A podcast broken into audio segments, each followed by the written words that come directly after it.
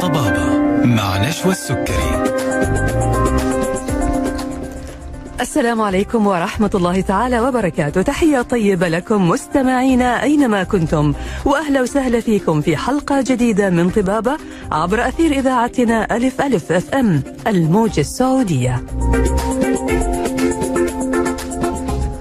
مستمرين معكم إلى الساعة 2 بعد الظهر في ساعة حوارية طبية مباشرة مع ضيف جديد من ضيوفنا المميزين اللي دائما بيشرفونا في برنامج طبابة.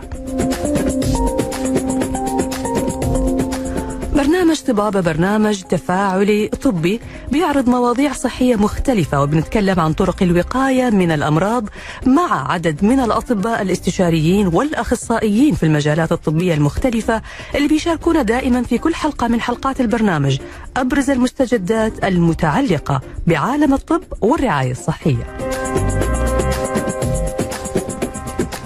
يسعدنا تواصلكم معنا على واتس البرنامج 055 66 89 01 وأيا كان نوع جهازك Android أو iOS بإمكانك تحميل تطبيق ألف ألف FM والتواصل معنا من خلال جميع حساباتنا على مواقع التواصل الاجتماعي. اللي حاب إنه يستمع للحلقة من بدايتها أو يشاركها أحد مهتم بموضوعها الحلقة هتكون متاحة بإذن الله تعالى خلال 24 ساعة على اليوتيوب.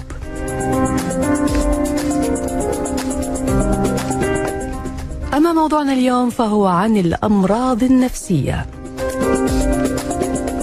الأمراض النفسية اللي ممكن تصيبنا بسبب سرعة إيقاع الحياة والضغوط الكثيرة اللي بنتعرض لها والأزمات المتكررة اللي بنمر فيها.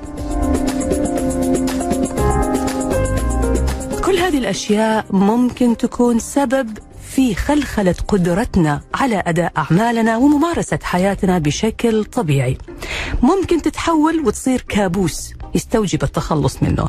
لكن بفضل الله أولا وأخيرا ثم الطب النفسي يستطيع الطبيب النفسي مساعدتنا في التخلص من الكثير من المشاكل النفسية اللي ممكن نعاني منها من خلال اتباع واحدة من الخطط العلاجية المعتمدة وفقا لحالة كل شخص.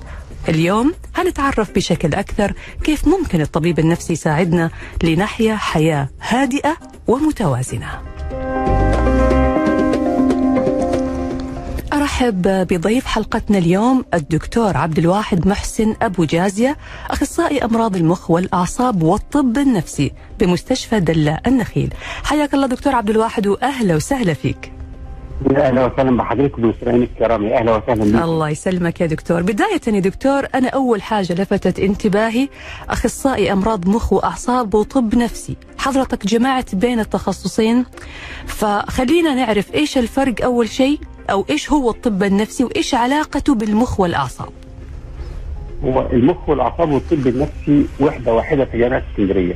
جامعه الإسكندرية بتدي ماجستير أمراض المخ والأعصاب والطب النفسي لأن الاثنين مرتبطين ببعض. تمام. حيث أن المخ والأعصاب هما المصدر العضوي للمشاعر والأحاسيس والأفعال.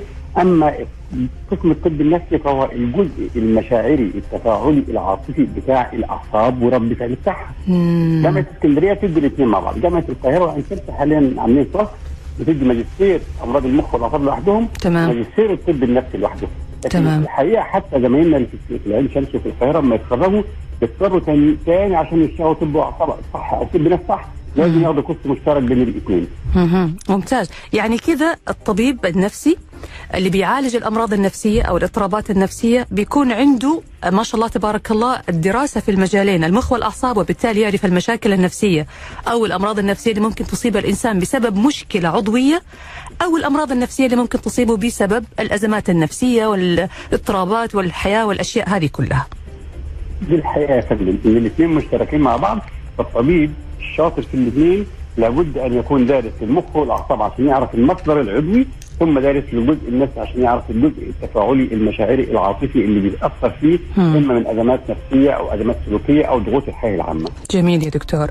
طيب خلينا كده دكتور ندخل في الموضوع على طول، إيش هي دكتور أبرز المشاكل اللي بيعالجها الطب النفسي وأكثر الأمراض النفسية انتشارا في وقتنا الحالي؟ هو الطب النفسي بيقسم لاكثر من جزء. في الطب النفسي العام وفي دلوقتي ال subspecialty طب نفسي الكبار طب نفسي المراهقين طب نفسي الأطفال في حتى لدرجه ان في حاجة اسمها طب نفسي النساء. وبرضه تفرع منه طب نفسي الإدمان والمخدرات وفي طب نفسي أمراض النوم.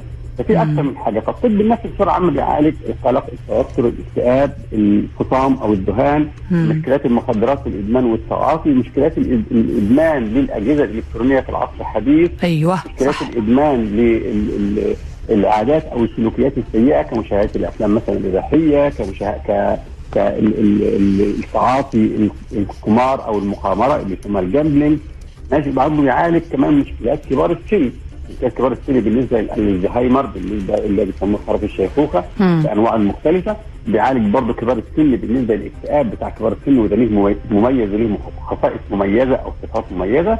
بيعالج الأطفال. الأطفال فرط الحركة تشتت الانتباه التوحد ال- ال- العصيان أو التمرد أو العند في الاطفال ال- بيعالج برضه حاجات مختلفة ثانية في الاطفال. يعني ال- الاطفال دلوقتي حاليا بيظهر فيهم الاكتئاب من سن سبع أو ثمان سنوات ودي حاجات غريبة ما كانتش موجوده قبل كده. صحيح. يعني بنقول الاكتئاب بيصيب الكبار والفصام بيصيب الكبار. لا دلوقتي بنشوف اكتئاب في الاطفال وبنشوف ذهان في الاطفال والمراهقين ونشوف وسواس قهري في الاطفال والمراهقين. فأصبح الطب النفسي شامل بيشمل الجزء المرضي اللي قلناه كله ثم مم. جزء بقى ثاني تفاعلي تفاعلي يعني إيه؟ أيوه في مشكلات الحياة المشكلات الأسرية الخلافات الزوجية مشكلات وهندسه العلاقة الجنسية بين الزوجين مم. مشكلات التواصل الاجتماعي المختلفة مشكلات ال- ال- ال- ال- الثغرات الأسرية سواء بين التواصل بين الأب وأولاده أو الأم وأولادها أو ال- أو التواصل الاجتماعي بين؟ بين الزوجة والزوج وهندسة العلاقة الزوجية المش- ال- ال- المختلفة بين الأفراد وبعضهم. جميل دلوقتي شامل وعامل عام وشامل. في. برضه كمان حاجة حلوة دلوقتي في الطب النفسي إن إحنا حاليا بندي حاجة اسمها الاستشارات اللي هي الغير دوائية. مم. يعني زمان كلهم يعني الناس كانت بتخاف من الطب النفسي يقول لك اللي هدخل فكرة النفس مش هطلع منه الأدوية بتعمل إدمان الأدوية بتعمل تعود صحيح دلوقتي عندنا فيها حاجة اسمها الطب النفسي الإرشادي اللي بيكون عبارة عن. جلسات سلوكية أيوة. مجرد بس مناقشة الأحداث كلها بإرشاد وتوجيه سلوكي من غير أي مدخل دوائي خالص وبتكون حتى فعالة يا دكتور؟ بتكون فعالة فعلا؟ بتعطي نتيجة كويسة؟ بتكون بتكون فعالة في 30% من المرضى ممكن يستجيبوا سلوكيا بس. تخيل يعني من كل 10 مرضى ممكن ثلاثة يستجيبوا سلوكيا من غير أدوية. مم. ممتاز ممتاز يا دكتور. طيب أنا لفت انتباهي لحضرتك بتقسم آه، أقسام الطب النفسي. قلت الطب النفسي للمرأة. يعني المرأة لها قسم لحالها أو لها فرع كامل في الطب النفسي. وهذا هيخليني أسأل حضرتك سؤال هعرف إجابته بعد الفاصل. وهي أيهما أكثر إصابة بالأمراض النفسية الرجل أم المرأة ولماذا؟ هنعرف الإجابة بعد ما نطلع فاصل قصير. نرجع بعد نكمل حوارنا وبنستقبل أسئلتكم. أي سؤال أي استفسار أي استشارة للدكتور عبد الواحد ممكن ترسلوا لنا إياها على واتس البرنامج 055 66 89 01 والسؤال موجه لكم أنتم أيضا مستمعين الكرام. تعتقدوا أيهما أكثر إصابة بالأمراض النفسية الرجل أم المرأة؟ هنعرف الإجابة بعد الفاصل.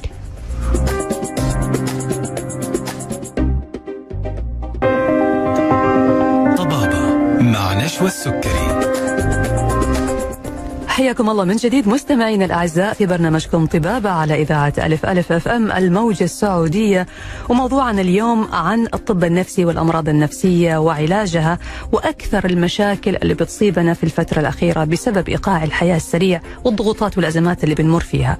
بنستقبل أسئلتكم واستفساراتكم على واتس البرنامج 055 66 89 01 مع ضيف حلقتنا اليوم الدكتور عبد الواحد محسن أبو جازية أخصائي أمراض المخ والأعصاب والطب النفسي بمستشفى دلة النخيل. أرحب فيك دكتور مرة ثانية أهلا وسهلا فيك.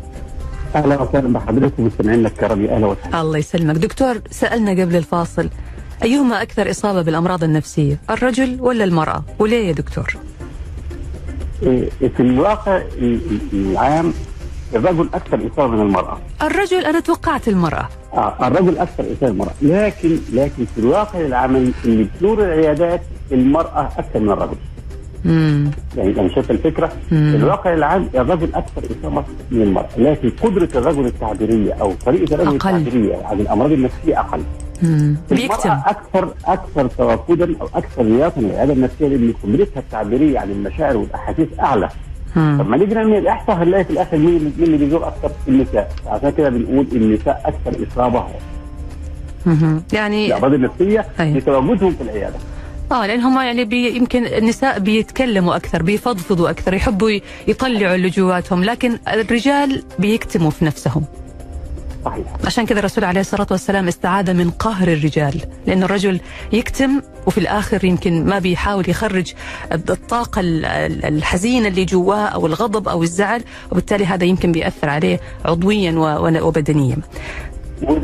نعم. طيب يا دكتور يعني آه إذا إحنا تكلمنا عن المرأة وقلنا إنه هي أكثر زيارة لأطباء ال- الأطباء النفسيين أو للعيادات النفسية.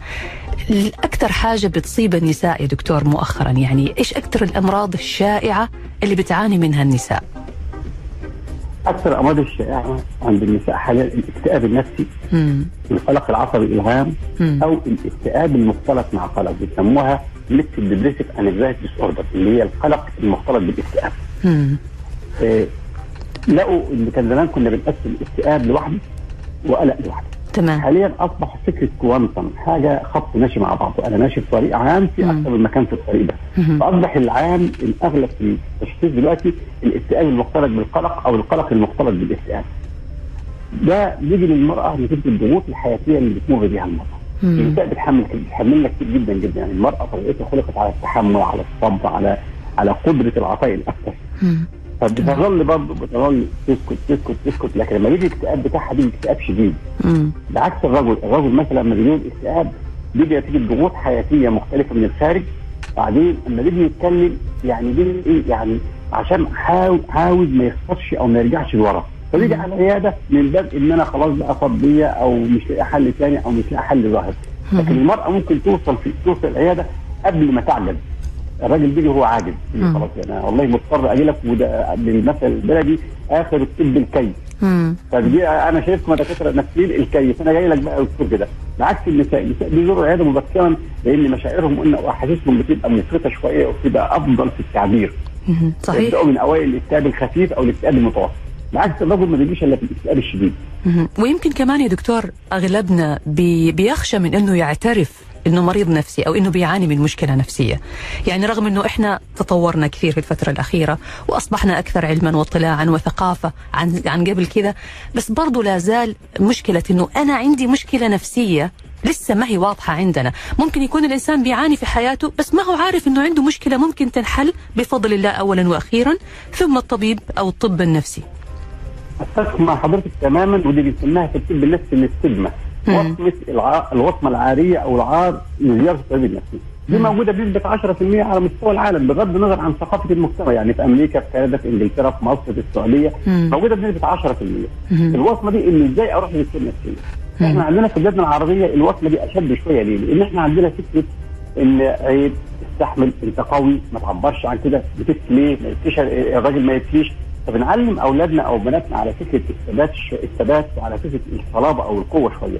ثم عندنا برضه منظور ثاني ديني ثاني قد يكون خطأ. فكرة إيه؟ يا أخي بس خليك قريب من ربنا ما- يتعبش نفسيا أنت تعبان نفسيا ليه بس قرب من ربنا؟ تفتكر ربنا شوية؟ لو أنت كويس مع ربنا مش هيحصل لك. حتى بنشوه المعلومة دي عند الناس. يعني مش بالضرورة أكون سيء عشان يجي لي مرض نفسي. الرسول عليه السلام بيقول في حديث إن الله إذا أحب عبدا ابتلاه. صحيح. فقد يكون الابتلاء ده لأن أنا كويس. ومش بالضرورة يا عم يكفر ذنب. أنا ما بعملش ذنوب. قد يكون رفع درجة. والله لو كان تكفير ذنب ده حاجة حلوة لو رفع درجة برضه حاجة أحلى.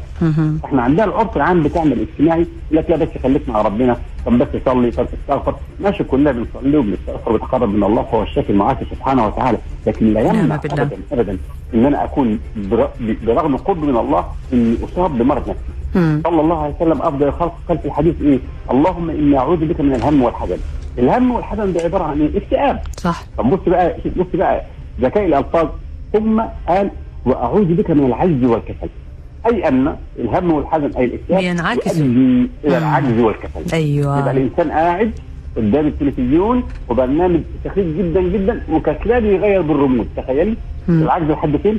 ما بالك بقى إن اقوم أروح الشغل أو المرأة تقوم تقوم بأعمال بيتها فاذا كان الرسول تعوذ منهم يبقى معناها إن بنقول يا ناس يا مسلمين يا كويسين لا يمنع ابدا قربة من الله إن يجي لك اكتئاب أو قلق. إحنا عاوزين نصحح المفهوم ده عند الناس وظيفتنا التصحيح بتاعه ده مش عيب ابدا بس تجينا في العيادة.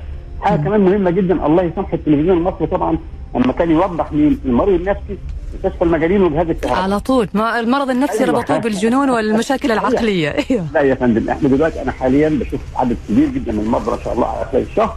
يمكن بقعد بالشهر واثنين ما اشوفش مريض ينطبق عليه كلمة مجنون اللي كنا بنشوفها في الأفلام. مم. اللي بيجينا حاليا أقول لك حاجة الناس النفسيين الناس المثقفين الناس اللي شايفين يستحق 10 من 10 والنهاردة بيأدي بستة أو بسبعة من 10 مم. فجاي عاوز يرجع لل 10 من 10 الثانية. وده واضح في الشغل بتاعنا في الطب النفسي إن في الأزمات المالية زي البورصة والاقتصاد والحاجات دي لما بيحصل انهيارات بيزيد شغل العيادات، طب مين اللي شغال في البورصة والإقتصاد إلا الناس الناجحين المتفوقين؟ صح إحنا دلوقتي بنقول الناس الفاهمه المثقفه زي حضرتك ما قلتي، الناس الواعية المتعلمة أصبحت فعلا بتتجه للعيادة بفضل الله سبحانه وتعالى. جميل. لا يمنع إن في قطاع كبير برضه لسه خايف. لسه طيب في يا دكتور نقطة مهمة ونحب نعرفها من حضرتك يعني آه، صراحة أنت قاعد توضح لنا الموضوع وتبسط لنا إياه بشكل جميل جدا متى يفترض أو متى أعرف أنه أنا أحتاج طبيب نفسي لما أبدأ أشعر سؤال. بإيش السؤال ده يا فندم تاخد عليه 10 من 10 وانتظر شكرا. إن دي فعلا حقيقي. إحنا كلنا عندنا مشاكل في الحياة. نعم. كلنا بنزعل كلنا بنكتئب. هنقول لو لو تخيلنا كده إن عندنا خط افقي وخط رأسي. عندنا طريق. إحنا في النفسية بتاعتنا الطبيعية مش خط مستقيم. مش خط صفر لا النفسية بتاعتنا بتطلع شوية فوق وشوية تحت كده بالراحة. اللي هو قلنا هامش خمسة فوق وخمسة تحت. أنا ممكن أقوم من النوم الصبح مزاجي منشرح لوحدي من اي سبب ورايح الشغل مم. ممكن برضه أقول يوم تاني مزاجي معاك من شويتين ورايح الشغل عادي تمام. يبقى مزاجنا مش ثابت على وتيرة واحدة. لكن إمتى؟ أقول ان أنا النهارده محتاج دكتور نفسي في شوية حاجات. واحد لو أثر المزاج ده على ادائي الاجتماعي. مم. أنا بدأت أنطوي بدأت أنعزل بدأت ما احضرش مناسبات بدأت ما أكلمش أصدقائي بدأت ما أسألش على أسرتي. اثنين لو أثر على مجال العمل بتاعي. بدات ما انتجش في العمل. خلي بالك في حاجة عندنا اسمها العامل الميت. يعني إيه العامل الميت؟ مم. أنا أنا في أنا موجود في الشغل لكن ما بنتجش. بالعكس أنا معطل الحال لأن زمايلي اللي اللي ماشيين ورايا في السلسلة معتمدين على الإنتاجية بتاعتي. فأنا مأخر نفسي ومأخرهم. يبقى أول حاجة لو أثر اجتماعيا اثنين لو أثر وظيفيا ثلاثة لو أثر على إنتاجية حاجات يبقى إنتاجية مم. أو اجتماعية. أو حاجات بقى اللي هي الحيوية زي إيه؟ النوم بتاعي أصبح مضطرب، الأكل والشرب أصبح مضطرب، النظافة الشخصية أصبحت مضطربة، يبقى ده حصل هزه اجتماعيه، لكن أنا زعلان شوية وماشي متحمل وبروح شغلي وحياتي اجتماعيه عادية ماشي هنقول ده إيه؟ ده حاجة بسيطة. يبقى أنا النهارده لو اتأثرت اجتماعيا صحيا نومي اكلي شربي ثم انتاجيا دي معناها علامة خطر حمراء أروح الدكتور ما فيش. تمام. طيب حضرتك قلت هنا هذه الأعراض أو هذا المؤشر اللي المفروض بعده أخذ القرار وأتوجه إلى المختص. هنا ممكن نسأل المختص هنا يكون طبيب نفسي أو معالج نفسي؟ إيش الفرق بينهم؟ الطبيب النفسي هو الدكتور اللي خريج كلية الطب. اللي مصرح له مؤسسه الطب النفسي وكتابه الوصفات العلاجية الدوائية. ووضع ووضع خطة العلاج الكاملة. تمام المعالج النفسي هو خريج كلية الآداب علم النفس أو كلية التربية علم النفس أو قسم علم النفس من الجامعات. ده هو المساعد للطبيب النفسي. في عندنا حاجتين خطين مختلفين، في ناس يقول لك أنا مش عاوز أروح الطب النفسي خالص أنا بس عاوز therapist اللي بيسموها ال therapist. لكن الطبيب النفسي بيسموه ال psychiatrist.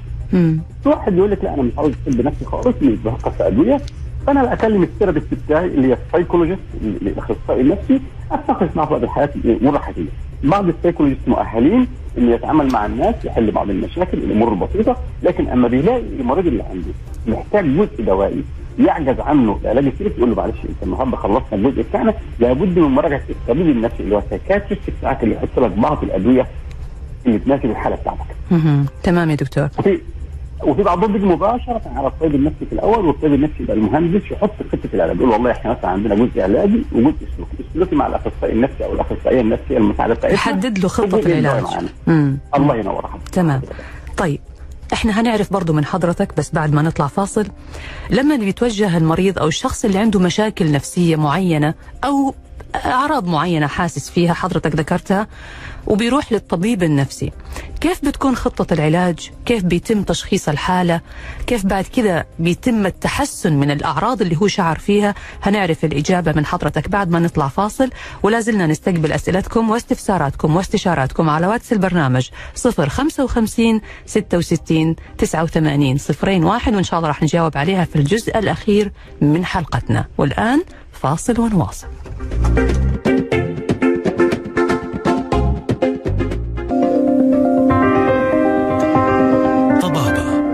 مع نشوى السكري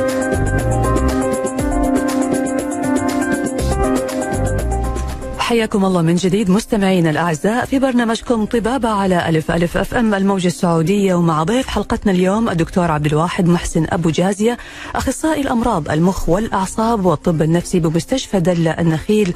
وموضوعنا اليوم عن الأمراض النفسية وطرق علاجها والوقاية منها وكيف نعرف أصلا أننا مرضى نفسيين. طبعا لازلنا نستقبل أسئلتكم واستفساراتكم واللي ارسلوا لنا بقول لهم حاضر. هوجه السؤال للدكتور لا تقلقوا حاضر في الجزء الأخير من الحلقة. بنستقبل أسئلتكم على واتس البرنامج صفر 55 66 89 صفرين واحد. وأرحب فيك مرة ثانية دكتور عبد الواحد. أهلا وسهلا بحضرتك والمستمعين الكرام أهلا وسهلا. الله يسلمك. طيب دكتور إحنا قلنا الآن إنه الشخص عرف إنه عنده مشكلة نفسية وإنه هذه المشكلة تستوجب التوجه للطبيب النفسي وإنه يتوجه للطبيب وفي فرق بين الطبيب والمعالج كل واحد يعني الطبيب هو الأشمل والأعم.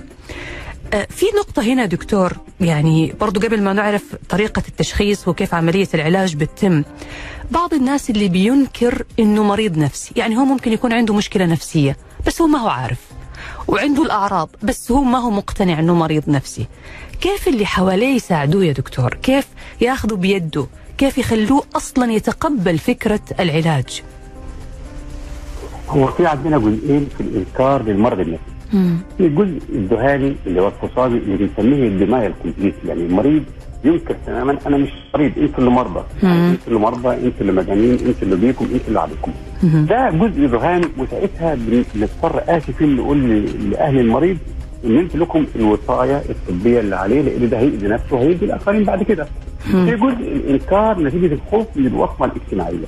الناس اللي خايفين من الوصمة الاجتماعية بنقول لهم كلام بسيط جدا تعالى والله إحنا عندنا دلوقتي أنت لما بتكون بتلعب أو بتتحرك أو بتروح أو عندك أي مرض بتروح تستشير الدكتور. الدكتور بيقول لك انت عندك المرض الفلاني من الناحيه العضويه. اعتبر الدكتور النفسية نفس الفكرة زيارة استشاريه. أنا جاي أقول السلام عليكم أنا بعاني من كذا. هل ده مرض ولا مش مرض؟ والله لو كان مرض هنشتري من الطبيب ونسمع الكلام بتاعه بكل أريحية ونشوف.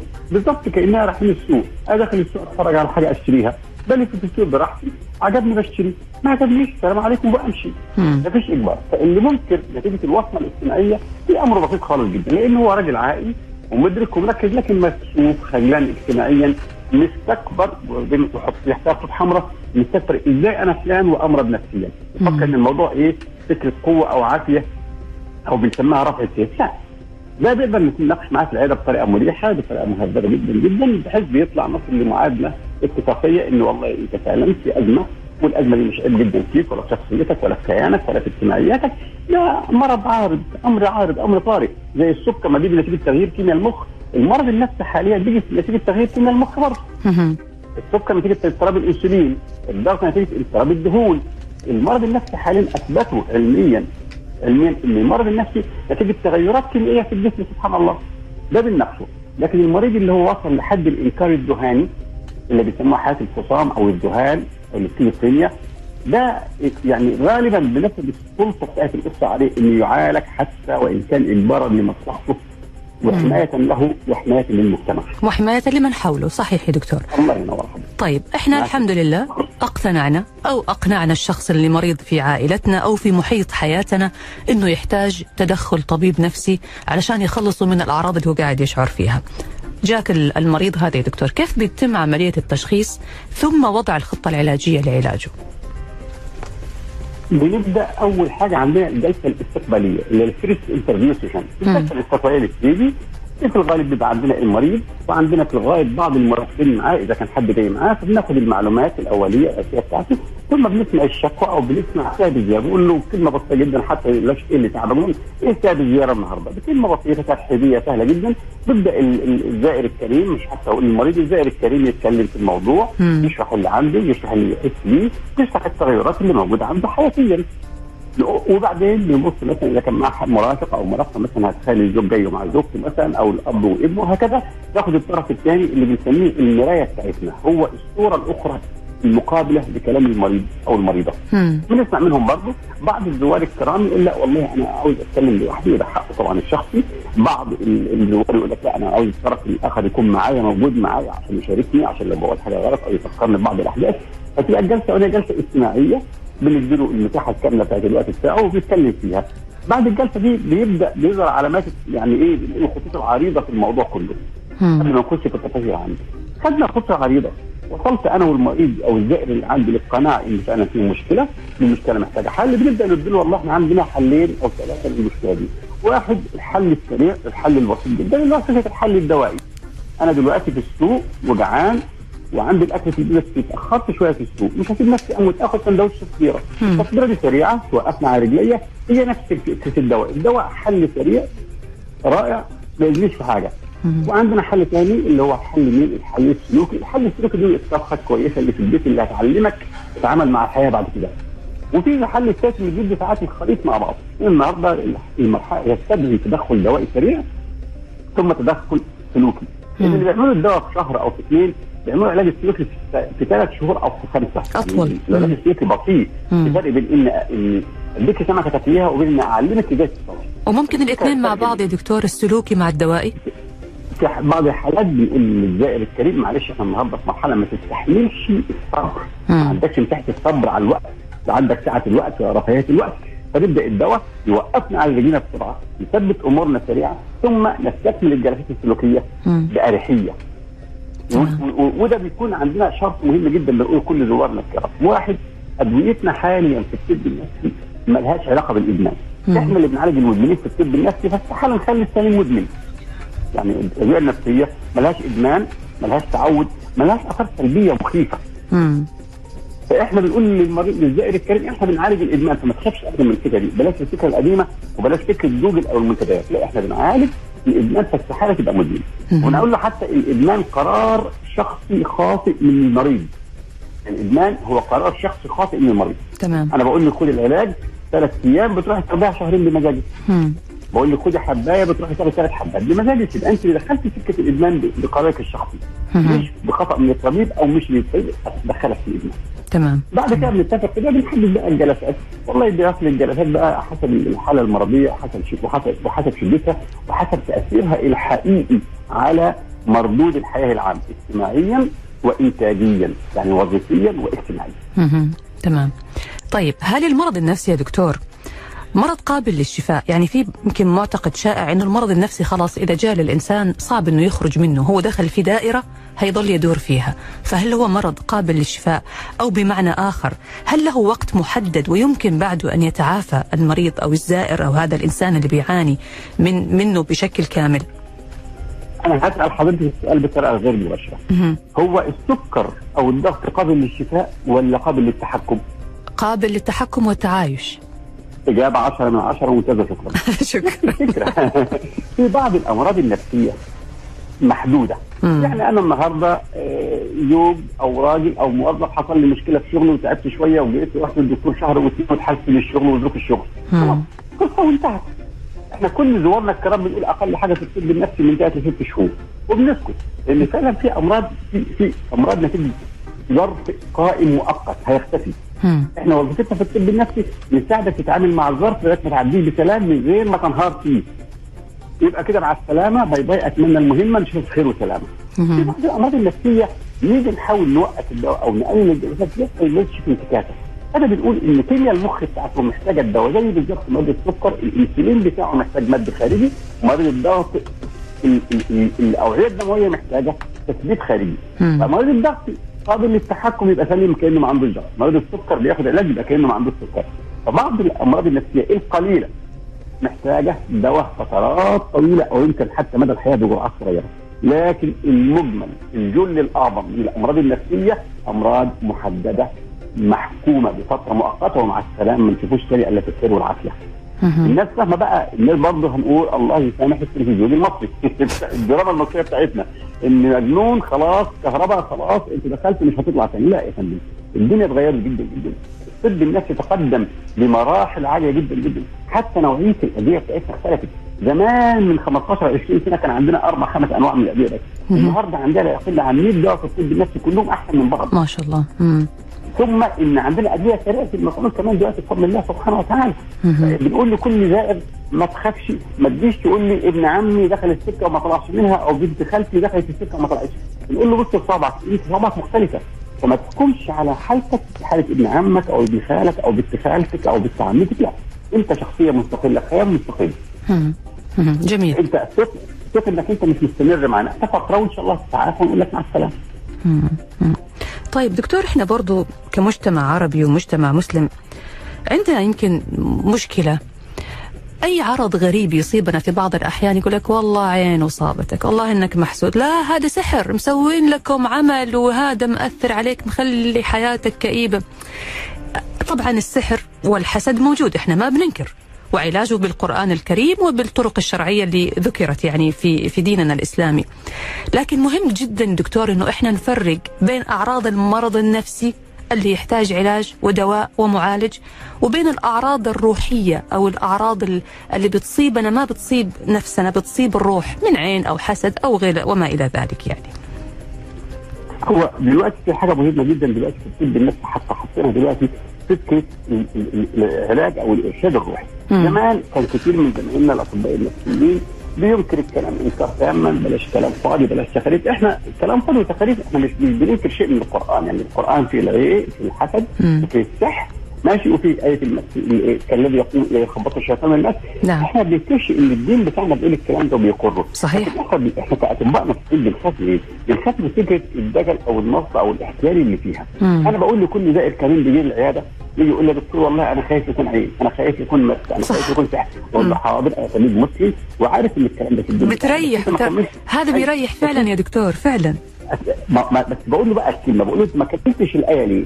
ما كملتش الآية اللي ربنا قال فيها وما هم بضارين به من أحد إلا بإذن الله، يبقى الضر بإذن الله. ونعم وبقول بالله له برضه أنا كطبيب نفسي فاهم أو مسلم ما عنديش مانع ابدا إنك تسترشد أو تستشير معالج قرآني ثقة مؤتمن مش نصاب أو دجال. لا يمنع ابدا لا يمنع. إحنا كناس مسلمين الرسول حتى نقائد الرقيه الشرعية حتى نقائد أذكار الصباح والمساء لا تعارض. بس بنقول له كلمة بقى كلمة مهمة. بنقولها أنا الدكتور اللي اتعلمت زمايلي الأطباء اللي اتعلموا وتعبوا جدا جدا. بيقول لك ما عندناش مانع من الرقية. يبقى لما تروح لراقي ويقول لك وقف الدواء قول له شكرا أنت كسرت هدي الرسول. إيه هدي الرسول؟ الرسول صلى الله عليه وسلم قال في حديث تداوى عباد الله فإن الله لم يدع داء إلا وضع له دواء. في بعض الروايات تقول علمه من علمه وجهله من جهله إلا الموت. يعني. فإذا صدق الداء الدواء كان الشفاء بإذن الله. فبنقول له الرسول حتى قواعد الشفاء عامة. والرسول في مرة من المرات الم- لأحد المرضى اسقيها عسلا وفي مرة ثانية قال اخرج عدو والله إن رسول الله. يبقى حط القواعد كلها. فبنقول له لو سمحت. لو رحت الشيخ أنت حر الدكتور ما قالكش لا. بس لو الشيخ قال لك وقف الدواء قول له لو سمحت. خليك في الرقية مالكش دعوة بالدواء. تمام. زي أنا كدكتور أنا متخصص في العلاج ما بقولكش الرقية غلط. لكن بقول لك خليك في علاجي جنب الرقية أو خليك في الرقية جنب العلاج. لا تعارض ابدا. جميل تعارض ابدا جميل يا دكتور العيب عارفه العيب إيه اللي بي- اللي بيشرفنا بصراحه ربنا مم. مم. ان بيروح ال- ال- الإنسان طيب بسيط يلف من راق الراق يقعد سنتين ثلاثة بيلف عند رقاه وما فيش فايدة ويجي لنا المريض متدخل بعد ما كانت حاله حالة خفيفة بقت متوسطة بقت شديدة مم. هذا كان السؤال على المقابل. هطرحه على لحضرتك المقابل مم. على المقابل ده ان لو جاب الدكتور عبد الواحد وخد العلاج شهر ما تحسنش بيسيبه يروح لخمسة دكاترة غيره طب بنقول له ده كده طب ما أنت رحت لدكاتره ما تحسنش ما صح. لأنه هو مقتنع. مقتنع إنه الراقي يعني ما هيفرق ما هيفرق راقي عن راقي. بس هذه النقطة مهمة دكتور جدا لازم نسألها لحضرتك ونعرفها يعني نعرف إجابتها بتفصيل أكثر اللي هي مضاعفات عدم تلقي العلاج الصحيح العلاج بالفعل المناسب للحالة ومتى ممكن يكون المريض النفسي خطر على نفسه وخطر على الآخرين. هنعرف الإجابة بعد ما نطلع فاصل. لازلنا نستقبل أسئلتكم على واتس البرنامج 055 66 89 صفرين واحد ونرجع بعد الفاصل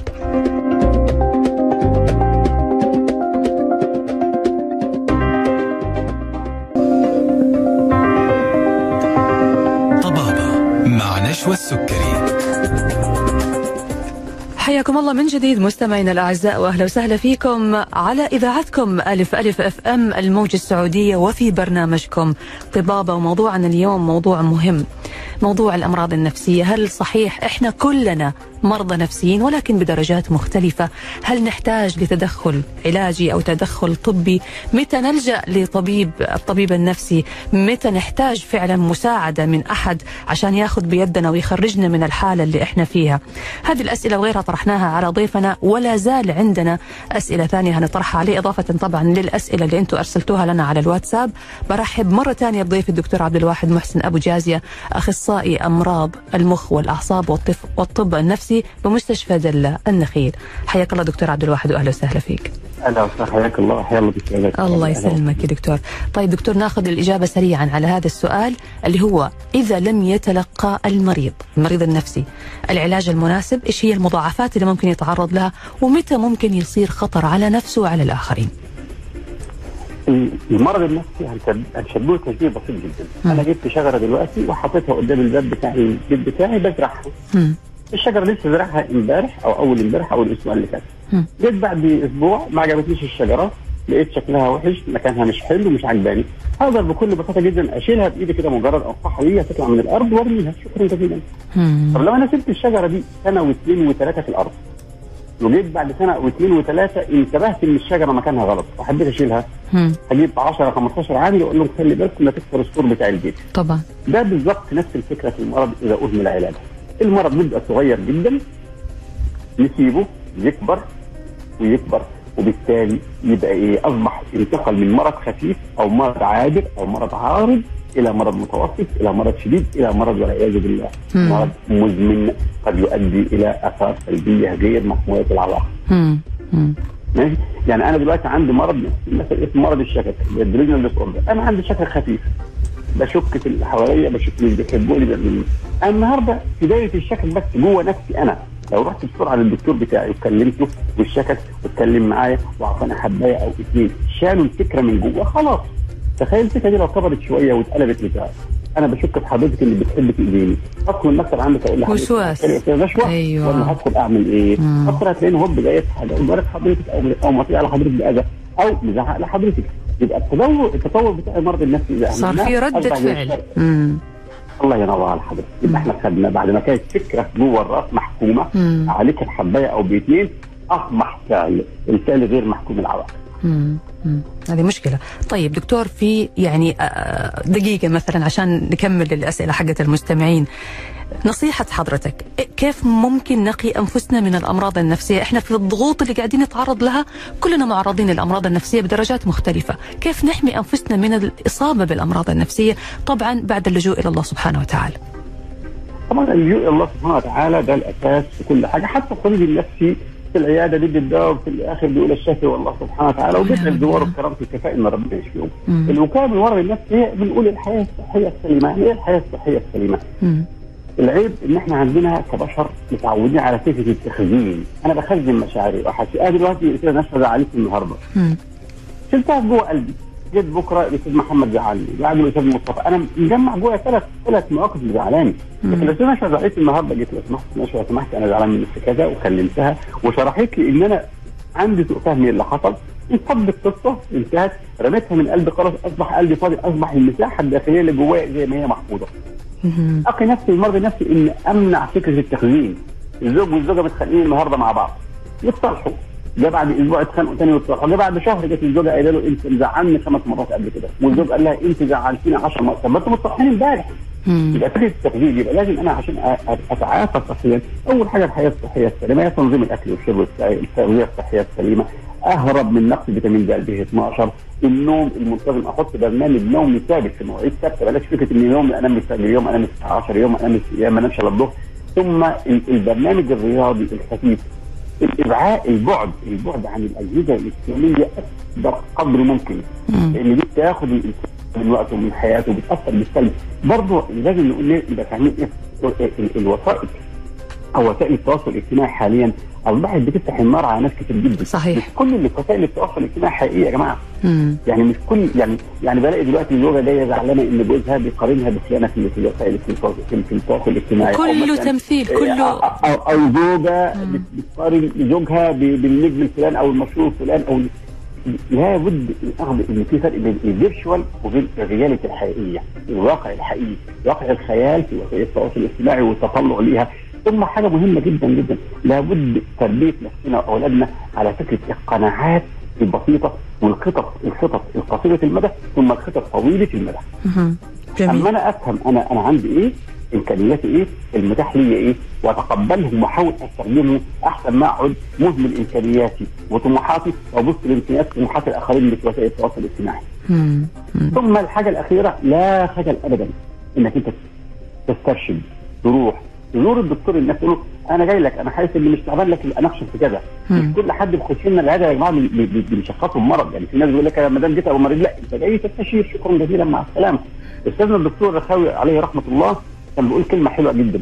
بيقول. عادي جدا إنك تكلم الشباك وعادي إنك تكلم الباب وعادي إنك تكلم الدولاب. حيقولوا مجنون يا دكتور. لا لا لا، ما هو شوف بقى الجمال بتاع الدكتور رخاوي الله حصل إيه؟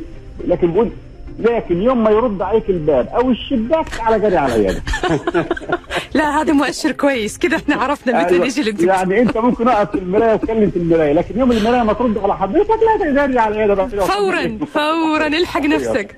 أيوه يا فندم. دكتور بعد إذنك هناخذ بس بعض الأسئلة لأنه جاتنا أسئلة كثير وصراحه المحاور مع حضرتك ما شاء الله تبارك الله كثيرة. آه ناخذ هذا السؤال. تقول أنا بنتي عندها انجري ايشو عندها مشاكل غضب وتعصب يبدو لي. من فترة هي حساسة كثير. تتعب من أقل سبب ولا يستدعي إنها يعني تعمل كذا. فيمكن كنت أنا في فترة كنت بتعصب من أبسط شيء وبعدين أنا بطلت. هذه الأم اللي تقول إنها كانت الأول تتعصب وبطلت وصرت نادرا ما أتعصب عشان يعني تحاول إنها تساعد بنتها. تقول كلنا نحاول نحتويها بس ما في فايدة. من أقل سبب تبكي وتتعصب رغم إنه هي في المدرسة محبوبة وبتحتويها كل زميلاتها وشاطرة وبتساعد الكل. بس أنا ماني عارفة إيش أسوي معاها. هي آه، قلت عن عام بس برضو لا زال الموضوع مرهق لنا وما إحنا عارفين كيف ممكن نساعدها علشان تتخلص من هذه الحالة النفسية. نقول لها أبشري الأمر بسيط جدا جدا. كل أطفالنا الصغيرين وأولادنا الصغيرين لغاية 14 أو 15 سنة علاجكم يكون علاج سلوكي فقط. قل ما نحتاج لأدوية قل ما نحتاج لأدوية عشان بس ما نقفلش الدائره 90% من أولادنا وبناتنا ممكن يتعالجوا سلوكيا. ال- البنات الصغيرين اللي عندهم نوبات غضب أو الأولاد بنقول كلمة صغيرة لكل البيوت وكل الزوار الكرام اللي بيسمعوا لنا حاليا إن أولادنا كاميرات متحركة في البيوت. كاميرات متحركة بتسجل كل بيلقطوا كل. مم. أيوه هتعبر عنها إمتى؟ الله أعلم. أنا لو لو بتكلم بصوت عالي في البيت ما استغربش إن ابني أو بنتي هتكلم بصوت عالي. أنا لو بتكلم بصوت هادي أنا بقول لو سمحت فبنت حضرتك للأسف تعلمت منك. مم. الغضب. انت النهارده انت عاقله ومدركه وعارفه إمتى تغضب وامتى لا لكن بنتك ما عندهاش العقل والادراك فبتغضب على الفاضي والمليان. ثم نيجي بقى الخطأ الأكبر إن أنا عشان فلانة غضوبة نحتواها ونطبطب عليها كلها. فغضب يعني خطأ مننا أو قدر مننا نزود الاشباع ده عندها. تلاقي نفسها إن كل حاجة تحقق لها بالغضب. فتقوم بعد ما غضب حقيقي أصبح غضب تمثيلي أحيانا. مش هاخد حاجة إلا لما أزعق. خلاص أزعق بقى وأعمل كده. فدي في الغالب محتاجة هندسة سلوكية ولكن تكون بسيط جدا في الغالب من ست لثمان جلسات بتفك الازمه لمعظم الأولاد. قلما نحتاج دواء خفيف يحنجس لو الأمر تعدى حدود المعقول. ممتاز. طيب سؤال ثاني دكتور يقول أنا لما أتوتر أو أتضايق أشعر بألم في صدري. هل أنا مريض نفسي ولا أنا مريض قلب؟ لا أنت اولا شفاك الله وعافاك. أنت إنسان عصبي. العصبية لها رد فعل يعني كل حاجة لها مقابل. يعني أنا دلوقتي القلب بتاعنا ربنا خلقه بيدق 70 مرة في الدقيقة. ده الطبيعي التوازن بتاعه.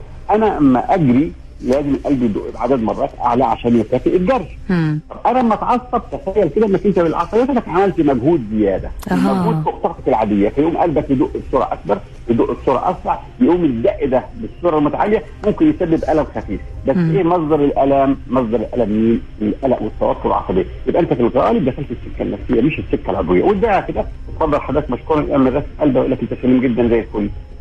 يبقى إيه؟ لانك انت لو مريض قلب هيبقى الوجع ده موجود سواء معصب أو غير معصب. لكن بيجي مع العصبية بس يبقى شكرا الملعب بتاعنا شرفنا أهلا وسهلا. تمام. طيب دكتور آخر سؤال وبنعتذر إذا ما قدرنا نجاوب على الأسئلة الباقية. السؤال يقول اكتشفت أنه أحد أفراد عائلتي يدمن الأفلام الإباحية. كيف أقدر أساعده؟ لأنه الموضوع محرج جدا وصعب أنه نتكلم فيه. آه، اولا شفاء الله وعافاه يا رب وربنا يعافيه ويعافي أولادنا واحفظهم جميعا. للأسف الموضوع منتشر ومش مش ما تبصش الموضوع على إنه عيب. بص الموضوع على إنه مرض يعالج. لو بصيت على إنه عيب هتبقوا قافلين على نفسكم وحاطين راسكم في الأرض زي النعامة. لكن بصوا مرض ويعالج وإحنا بنعالجه في العيادة النفسية حتى من غير أدوية خالص. برنامج سلوكي مكثف مع إشراف الأهل بيتعافى كلية بفضل الله سبحانه وتعالى. بس بنقول اول كلمة ليكم حتى كلمة سريعه ما تعطوهوش مساحة وقت فراغ. اللي. بيشوف الأفلام الإباحية في الغالب اشغلوه في أشياء فراغ. كثيرة ثانية. تمام. يشغلوه بأشياء أخرى ما يكونش السرير بدري إلا ما يكون هينام ما يكونش السرير والجوال جنبه.